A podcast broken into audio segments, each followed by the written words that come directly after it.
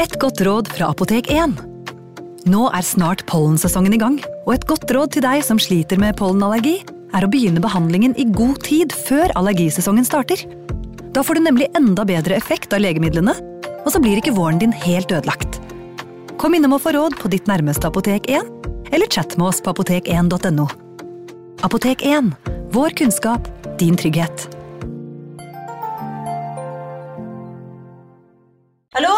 Jeg kommer fra Oslo politikammer. Ine Jansen er purk. Er du purk? The motherfucking bitch. Alt jeg vil, er å finne ut hva som skjedde med mannen min. Jon Carew. Er jeg sikta for noe? Iben Akeli. Det er du. Ole So, Lars Berrum og Big Daddy Karsten. Hvem sin side er du på, egentlig? Anette Hoff, Tone Danielsen, Kommer du fra Afrika? Jørnis Josef, Nesten kløfta. Trond Espen Seim, Det er synd å si det, men det var feil mann som døde. Purk. Premiere tirsdag på TV2 Play. Hei! Takk for at du lytter til True Crime Podden dokumentar. Skulle du ønske at du kunne høre en ny episode av denne podkasten hver eneste uke? Vel, da er det bare å laste ned podkastappen Untold med en gang. I tillegg til ukentlige episoder av podkaster som Skrekkpodden, Synderne og True Crime Podden, får du masse annet reklamefritt og eksklusivt innhold. Last ned Untold i AppStore eller Google Play, og start din 30 dagers prøveperiode i dag. you.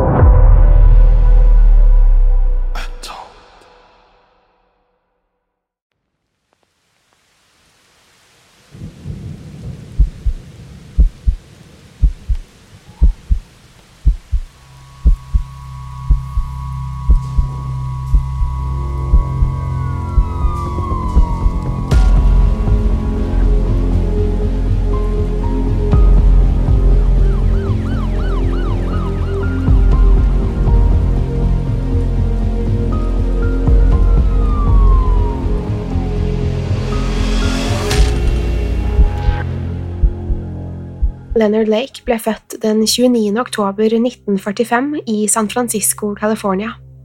Her vokste han opp i et ustabilt hjem med en far som drakk for mye. Leonard fikk to søsken, men da hans yngste bror ble født, fikk faren nok og bestemte seg for å forlate familien. Moren forsøkte å ta seg av de tre barna, men det var vanskelig å få økonomien til å gå rundt. De bodde i sosialboliger, og hun var konstant bekymret for barnas velvære. Hun hadde heller ikke gitt opp drømmen om å reparere ekteskapet, og håpet at familien en dag skulle gjenforenes. I et desperat forsøk på å vinne tilbake mannen, etterlot hun Leonard hos besteforeldrene og dro for å overbevise ektemannen.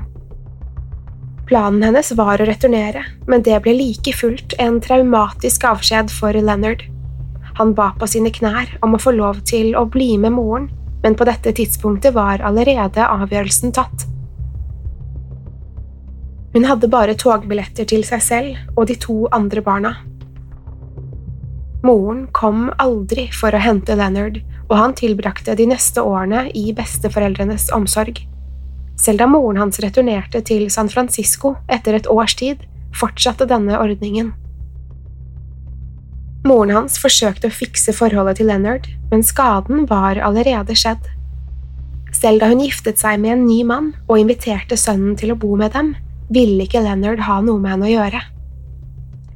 Avgjørelsen var nok delvis påvirket av den vonde separasjonen, men også preget av de tøffe årene med moren. Leonard beskrev en konstant sult og følelsen av at moren ikke var i stand til å forsørge ham. Hos besteforeldrene fikk han mat, klær og sitt eget rom. Selv om de heller ikke var velstående, følte han i det minste at han ble tatt vare på. Leonard snakket med moren ved jevne mellomrom, men det ville for alltid være en distanse mellom dem. Leonard begynte å vise forstyrrende tendenser allerede i barndommen. Han hadde flere mus som kjæledyr og tok stor glede i å se dem formere seg. Før han visste ordet av det, hadde han en hel armé av mus. Leonard kombinerte dette med sin interesse for kjemi. Han utførte flere eksperimenter på musene og helte blant annet syre over de forsvarsløse dyrene. Han viste med stolthet frem hvordan han kunne transformere musene til en stygg, grønn væske. Leonard var tilsynelatende en sosial og utadvendt gutt, men han begynte etter hvert å behandle lillebroren sin dårlig. Lillebror Donald hadde alltid vært litt annerledes etter at han hadde blitt utsatt for en stygg ulykke. Han hadde fått en alvorlig hodeskade, og mange beskrev Donald som litt treg. Leonard hadde aldri noe sympati. Han så på broren med forakt. Donald representerte nemlig alt Leonard hatet. Donald var et ufullstendig menneske som ikke var i stand til å ta vare på seg selv. Han mottok uføretrygd, og Leonard mente derfor at han stjal fra systemet. Slike mennesker gjorde Leonard rasende. Han uttrykte flere ganger at han ønsket å utslette alle sammen og inkluderte gjerne sin egen bror i denne gruppen. Det spilte ingen rolle for Leonard at broren hadde blitt erklært ufør av en lege. Leonard var i ferd med å utvikle ekstreme holdninger og forsøkte samtidig å finne sin vei i livet. Han var interessert i religion, men ikke nødvendigvis kristendom. Leonard så heller til norrøn mytologi og buddhisme i søken etter svar på livets store spørsmål. Etter flere år med utforskning kom likevel Leonard frem til at han ikke trodde på en høyere kraft. Det var i stedet helt andre ting som påvirket Leonard. Da han leste boken The Collector av John Foles, oppdaget han flere ukjente sider av underbevisstheten. Denne boken skildrer en kidnapping av en ung kvinne og fortelles fra både kvinnen og kidnapperens perspektiv. For Leonard ble dette en seksuell oppvåkning. Han fantaserte om denne kvinnen og begynte å forestille seg hvordan det føltes å kidnappe et annet menneske. Ideen om å ha en personlig slave som man kunne kontrollere, og som alltid var tilgjengelig, gjorde Leonard oppspilt. Etter hvert ble Leonard konsumert av denne ideen. Han tenkte konstant på hvor mye nytelse dette kunne gi ham, og begynte å drømme om å realisere denne fantasien. Enn så lenge klarte han likevel å undertrykke disse impulsene. Leonard fullførte videregående og bestemte seg for at det var på tide å utforske verden på egen hånd. Uten noen videre plan bestemte han seg til slutt for å verve seg i marinen. Dette ble umiddelbart en positiv opplevelse for Leonard. Han var fascinert av våpen og likte følelsen av å tømme et magasin på skytebanen. Leonard viste også en spesiell interesse for eksplosiver, kjemikalier og taktisk krigføring. Selv i årene etter tjenesten fortsatte Leonard å bruke flere militæruttrykk og begreper i sin dagligtale. Det var liten tvil om at disse årene hadde en definerende innflytelse på Leonard. I denne perioden møtte Leonard Karen, og de begynte snart å sende brev til hverandre. De fortsatte med dette selv da Vietnamkrigen brøt ut og Leonard ble sendt til Sørøst-Asia. Etter hvert kom riktignok ikke brevene like hyppig, og til slutt brøt de kontakten fullstendig. Leonard forsøkte igjen å kontakte henne da han i 1966 ble utstasjonert i California. Denne gangen begynte de begge å føle en gryende romanse, og de bestemte seg snart for å møtes. Til tross for at de kun hadde truffet hverandre ved et par anledninger, bestemte Leonard seg for å fri. Karen takket ja til frieriet, og de bestemte seg for å slå seg ned i California. Leonard fremsto umiddelbart som en ganske normal ektemann, men snart begynte Karen å legge merke til underlig oppførsel. Han nevnte blant annet at han vurderte å la de andre soldatene ha sex med henne i bytte mot penger. Karen visste ikke hvordan hun skulle reagere på disse kommentarene, men håpet at det bare var et forsøk på humor. Hun likte uansett ikke denne siden av ham og ble ofte flau over hvordan han omtalte henne. Etter hvert føltes det som at han faktisk ville at hun skulle prostituere seg. Han ba henne gå i avslørende antrekk og fortsatte å bringe opp temaet. Men dette var ikke det eneste som bekymret Karen. Leonard hadde lenge fremstått dominerende og eiesyk. Etter at de giftet seg, forlangte han å ha full kontroll over alt Karen foretok seg. Både i hverdagen og i seksuelle settinger var Karen nødt til å ta på seg den underdanige rollen. Hun fikk ikke selv noen glede av denne dynamikken, men valgte å spille med for å glede Leonard. Han følte etter hvert at han kunne gjøre akkurat hva han ønsket med henne. I 1970 returnerte Leonard til Vietnam. I denne perioden flyttet Karen inn hos Leonards besteforeldre. Dette ble et behagelig avbrekk for Karen. Livet med sin nye ektemann hadde virkelig begynt å prege henne. Med Leonard ute av syne kunne hun endelig puste ut og begynne å tenke på seg selv. Mange unge soldater beskrev Vietnam som et helvete på jord, men Leonard hadde en ganske annen oppfatning. Han ga uttrykk for at det var en positiv opplevelse, og skrøt av antallet mennesker han hadde drept.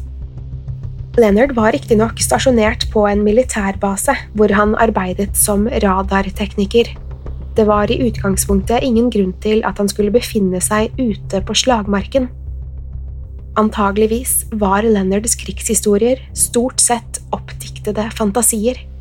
Det er lite trolig at han opplevde noen aktiv krigføring under sitt opphold i Vietnam. Under oppholdet hadde Leonard overbevist seg selv om at Karen ikke hadde vært trofast mot ham. Den frigjorte hippiebevegelsen bekymret Leonard, og han fryktet at hans kone hadde gitt slipp på all seksuell moral. Disse bekymringene ble etter hvert så plagsomme at han bestemte seg for å prate med en militærpsykolog. Det var riktignok ikke bare sjalusi som preget han. Her ble Leonard i stedet diagnostisert med begynnende schizofreni og hysteriske nevroser. Det ble fastslått at Leonard ikke var egnet for å tjenestegjøre videre, og han ble dermed sendt hjem til USA. Etter flere undersøkelser ble det fastslått at Leonard utgjorde en fare både for seg selv og andre. Han mottok profesjonell hjelp for problemene sine, men Karen ble likevel skremt av denne diagnosen. Hun beskrev en økende paranoia hos Leonard. Han fortalte blant annet at han hadde fått et oppdrag fra regjeringen og hintet om flere hemmelige operasjoner. Da han ikke var i stand til å utføre disse oppdragene, ble han stadig mer deprimert. Karen innså at han led av alvorlige vrangforestillinger. Hun forsto at problemet antageligvis ville forverre seg, dersom han ikke fikk tilstrekkelig hjelp. Med dette ble Leonard avskjediget fra marinen for godt i 1971. Til tross for den overveldende nyheten ble Karen værende hos sin ektemann. Da Leonard ble utskrevet, begynte de å se seg om etter et nytt sted å bo. Til å begynne med følte Karen at Leonard var på bedringens vei. De begynte begge å studere, og Leonard lette samtidig etter en jobb.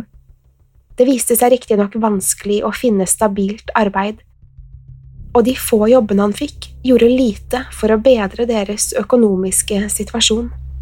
Til slutt hadde Leonard sett seg lei, og han foreslo at Karen også kunne bidra litt. Leonard hadde allerede planen klar. Han ønsket nemlig at Karen skulle begynne som stripper. Karen var umiddelbart skeptisk til denne ideen, men begynte etter hvert å vurdere forslaget. Hun hadde ingen annen idé om hvordan de kunne tjene penger, og innså at de var i en desperat situasjon. Til slutt lot hun seg overtale til å gi det et forsøk. Karen begynte dermed å jobbe utallige timer i uken på den lokale strippeklubben, mens Leonard holdt seg hjemme. Karen ble raskt lei av situasjonen og hun likte aldri hvordan det mannlige klientellet stirret på henne. Hun fikk riktignok ingen sympati fra Leonard. Han fortsatte sin dominerende oppførsel, og forholdet ble snart voldelig. Leonard begynte å slå henne, og han tok tilsynelatende stor nytelse i denne handlingen. Han så gjerne på dette som et sadistisk forspill som stort sett ledet til seksuelt samvær. Alle pengene Karen tjente, gikk rett til Leonard. Han styrte økonomien med samme jernhånd som han kontrollerte sin kone. Hun var nå hans slave og var tvunget til å utføre alle hans ordre. Sex ble en stadig viktigere del av Leonards liv, og Karen var nødt til å bistå ham. Leonard likte å plassere henne i seksuelle situasjoner og kle henne ut i avslørende antrekk.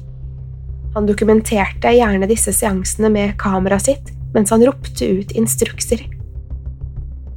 Etter hvert begynte han likevel å gå lei av Karen og uttrykte et ønske om flere sexpartnere. Oppførselen hans ble stadig mer merkelig, og Karen begynte å innse at situasjonen aldri ville bedre seg. Leonards underlige væremåte var skremmende i seg selv, men han oppbevarte også flere våpen i huset. Hun følte seg ofte isolert og nesten fanget i ekteskapet. Leonard hadde lenge nektet å installere en telefon som bare forsterket disse følelsene. Han lot seg til slutt overtale, men valgte å oppgi et falskt navn til telefonselskapet. Karen hadde begynt å frykte hva Leonard var i stand til å finne på. Hun beskrev han som stormannsgal og stadig mer ustabil. Det var forventet at hun fulgte alle Leonards regler, mens han fikk gjøre akkurat som han selv ønsket. Hun oppdaget stadig nakenbilder av unge kvinner rundt om i huset, mens han ble rasende hvis hun i det hele tatt så på en annen mann. Karen innså til slutt at hun var nødt til å forlate Leonard før det var for sent. En kveld forlot Karen strippeklubben sammen med en annen mann. Han hadde tilbudt seg å følge henne til bilen, og Karen hadde takket ja til dette tilbudet. Leonard sto allerede på parkeringsplassen og ble rasende da han fikk øye på henne. Han konfronterte henne, men Karen valgte å bare sette seg i bilen sin. Hun kjørte hjemover, men oppdaget at Leonard hadde kommet henne i forkjøpet. Strødd utover plenen lå alle hennes eiendeler. Karen bestemte seg for å samle sammen alle tingene og legge det i bagasjerommet på bilen. Hun hadde ikke noe ønske om noen forsoning med Leonard, og tilbrakte heller natten i bilen. Leonard var likevel ikke tilfreds med situasjonen. Neste dag oppdaget Karen at noen hadde brutt seg inn i bilen og stjålet alle eiendelene hennes. Hun var aldri i tvil om hvem som sto bak. Karen fant seg etter hvert en egen leilighet, men Leonard fortsatte å plage henne. Han brøt seg inn i leiligheten og brant hull i klærne hennes. Han fortsatte å spionere på henne og kom med flere trusler. Han var ikke villig til å gi fra seg kontrollen over henne. Karen var uansett ferdig med Leonard og søkte om skilsmisse i 1972. Flere beskrev dette som dråpen som fikk begeret til å renne over. Leonard hadde alltid hatt et komplisert forhold til kvinner. Da det begynte med moren, som hadde valgt å etterlate han hos besteforeldrene. Denne gangen var det hans kone som avviste han. Til tross for denne forferdelige behandlingen hadde Leonard vært glad i Karen. Hans søster fortalte at han hadde brutt ned i tårer da skilsmissen var et faktum. Dette ble begynnelsen på et dypt hat mot kvinner. I Leonards øyne var de kun en kilde til smerte, avslag og skuffelse. Leonard forsøkte å stable livet på bena etter bruddet med Karen. Han tok ulike småjobber og begynte snart å lete etter en ny kjæreste. Han traff etter hvert Jennifer, og de utviklet en lignende dynamikk.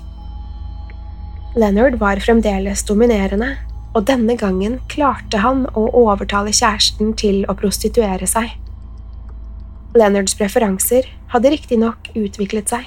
Jennifer beskrev de merkelige filmene Leonard forsøkte å introdusere henne for. Dette var såkalte snuff-filmer som tilsynelatende portretterte ekte drap. Leonard var fascinert av kombinasjonen av sex og død, og hadde begynt å fantasere om å utføre enda mørkere handlinger. Det var særlig ideen om å drepe sin sexpartner i øyeblikket han selv nådde orgasme, som tente Leonard. Jennifer visste ikke om Leonard mente alvor med disse fantasiene, men forholdet varte uansett ikke lenge. Leonard hadde begynt å bli voldelig, og da han en dag gikk for langt, innså Jennifer at det var på tide å komme seg ut av forholdet. Leonard fortsatte å fantasere om sex og død, men han ble samtidig besatt av et annet konsept. Han fryktet nemlig at verden skulle gå under som følge av et stort atomangrep. Leonard begynte å se på dette som uunngåelig, og følte at han ikke var trygg i byen lenger. Han søkte derfor tilflukt i fjell og villmark, som han anså som mindre sannsynlig mål for atomvåpen. Her ønsket han å bygge en bunker som kunne beskytte ham fra angrepene. Leonard tilbrakte de neste årene i ulike avsidesliggende samfunn. Han søkte mot naturen, men klarte ikke å legge fra seg sine stadig mer spesifikke fantasier. I 1981 møtte Leonard Charles Eng for første gang. Charles var på flukt fra marinen og hadde behov for et sted å gjemme seg. Dersom han ble oppdaget, ville nemlig Charles bli stilt for riksrett. Leonard tilbød han tak over hodet, forutsatt at han tok sin del av husarbeidet. Charles delte Leonards interesse for villmark og overlevelse, og de to mennene utviklet snart et vennskap. Det var riktignok noe helt annet og langt mørkere som virkelig skulle knytte de to mennene sammen. En ung kvinne kunne fortelle om et grusomt møte med en mann ved navn Tom Meyer. De hadde blitt enige om å møtes, så Tom kunne ta bilder av henne. Kvinnen jobbet som eskortepike og var vant til å motta langt merkeligere forespørsler enn dette. De ble enige om en pris, og Tom betalte på forhånd. De bestemte seg for å møtes og spiste middag sammen før det begynte fotoseansen. Tom var en rufsete fyr med tykt, mørkt skjegg og tynt hår. Han fremsto litt merkelig, men ikke nok til at kvinnen ønsket å bryte avtalen. Det fantes selvfølgelig ingen Tom Meyer. Dette var Leonard Lake, og på motellrommet ventet hans nye kollega Charles Eng. Leonard forsøkte å berolige kvinnen.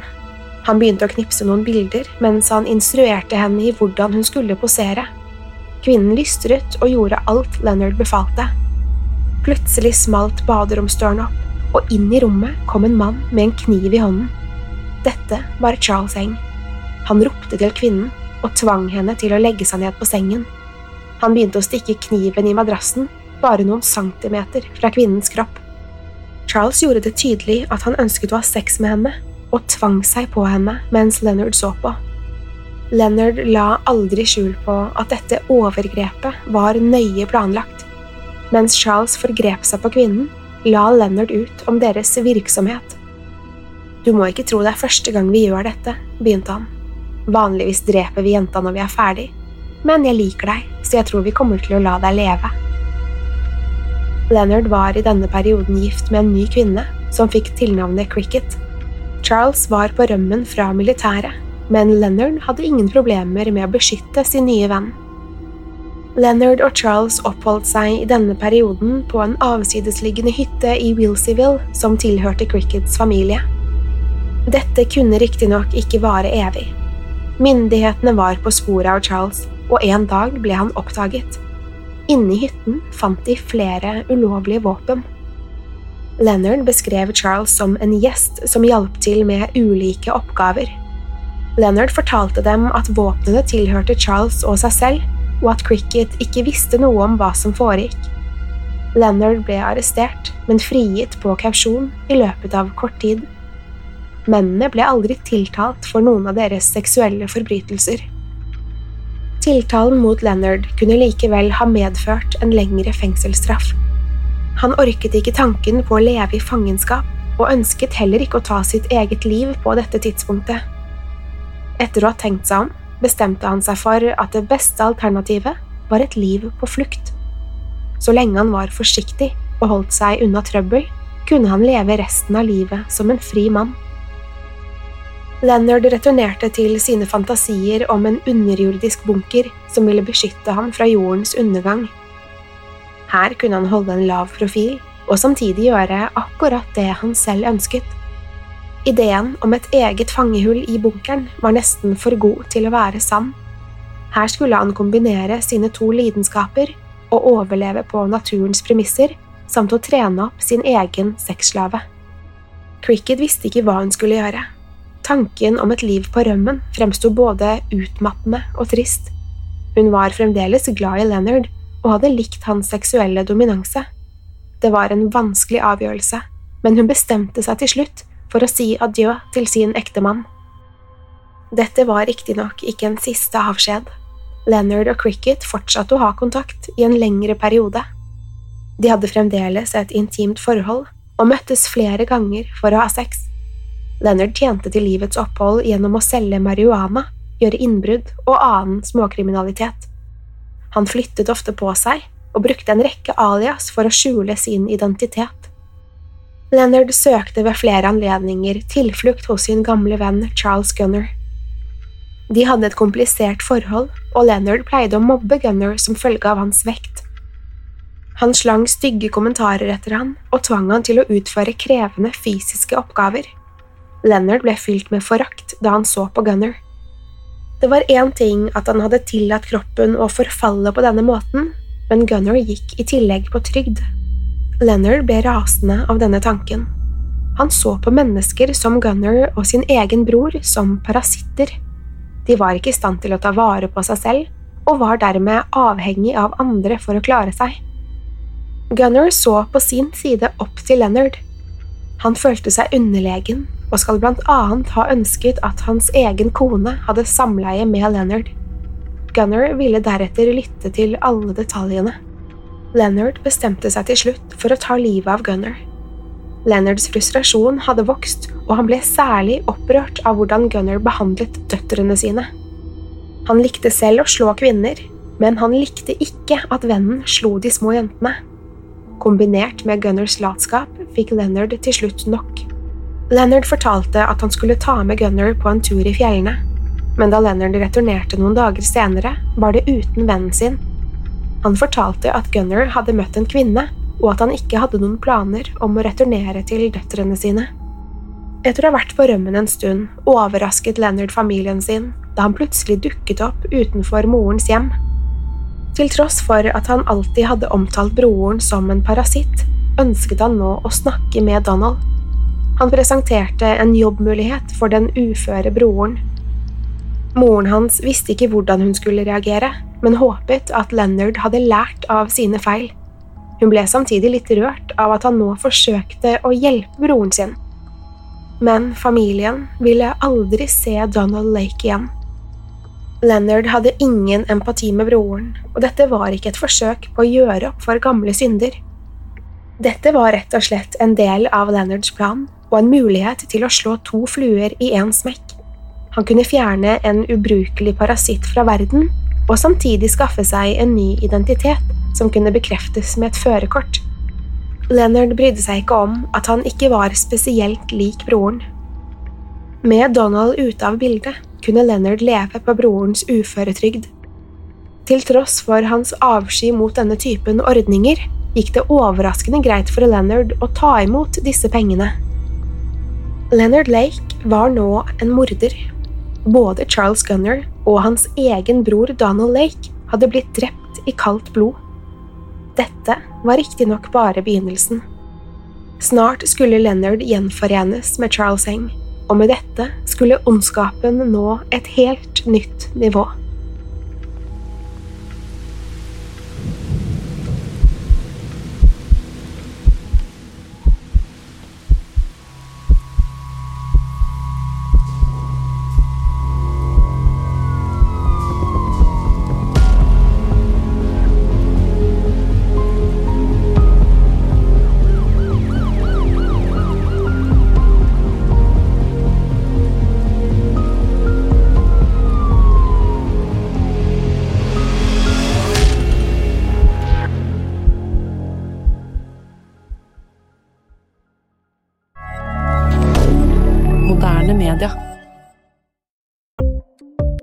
Ukens annonsør er Folio, en smartere banktjeneste for deg som har en egen bedrift eller ønsker å starte for deg selv. Folio er en superenkel nettbank for bedrifter. Som kunde i Folio får du en bedriftskonto med et bedriftskort og app. I denne appen er det smarte løsninger som forenkler regnskapet ditt, uansett om du har en liten bedrift eller et enkeltpersonsforetak. Folio er både intuitivt og brukervennlig, og er laget med et enkelt språk. I tillegg tilbyr de forutsigbare priser og ingen skjulte gebyrer. Skulle du likevel trenge det, så kan du snakke med deres raske og hyggelige kundeservice, og der får du prate med en faktisk person og ikke en chatbot. Folio er med andre ord både enklere og koseligere enn banken. Over 10 000 bedrifter har allerede valgt Folio som sin banktjeneste, så besøk folio.no og se hvordan Folio kan forenkle din hverdag også. Har du et enkeltpersonforetak eller en liten bedrift? Da er du sikkert lei av å høre meg snakke om hvor enkelt det er med kvitteringer og bilag i fiken, så vi eh, gir oss her, vi. Fordi vi liker enkelt. Fiken superenkelt regnskap. Kiwi er billigst i VGs matbørs og har vært billigst i fire av de fem siste VGs matbørser. Og nå presser vi prisene på frukt og grønnsaker.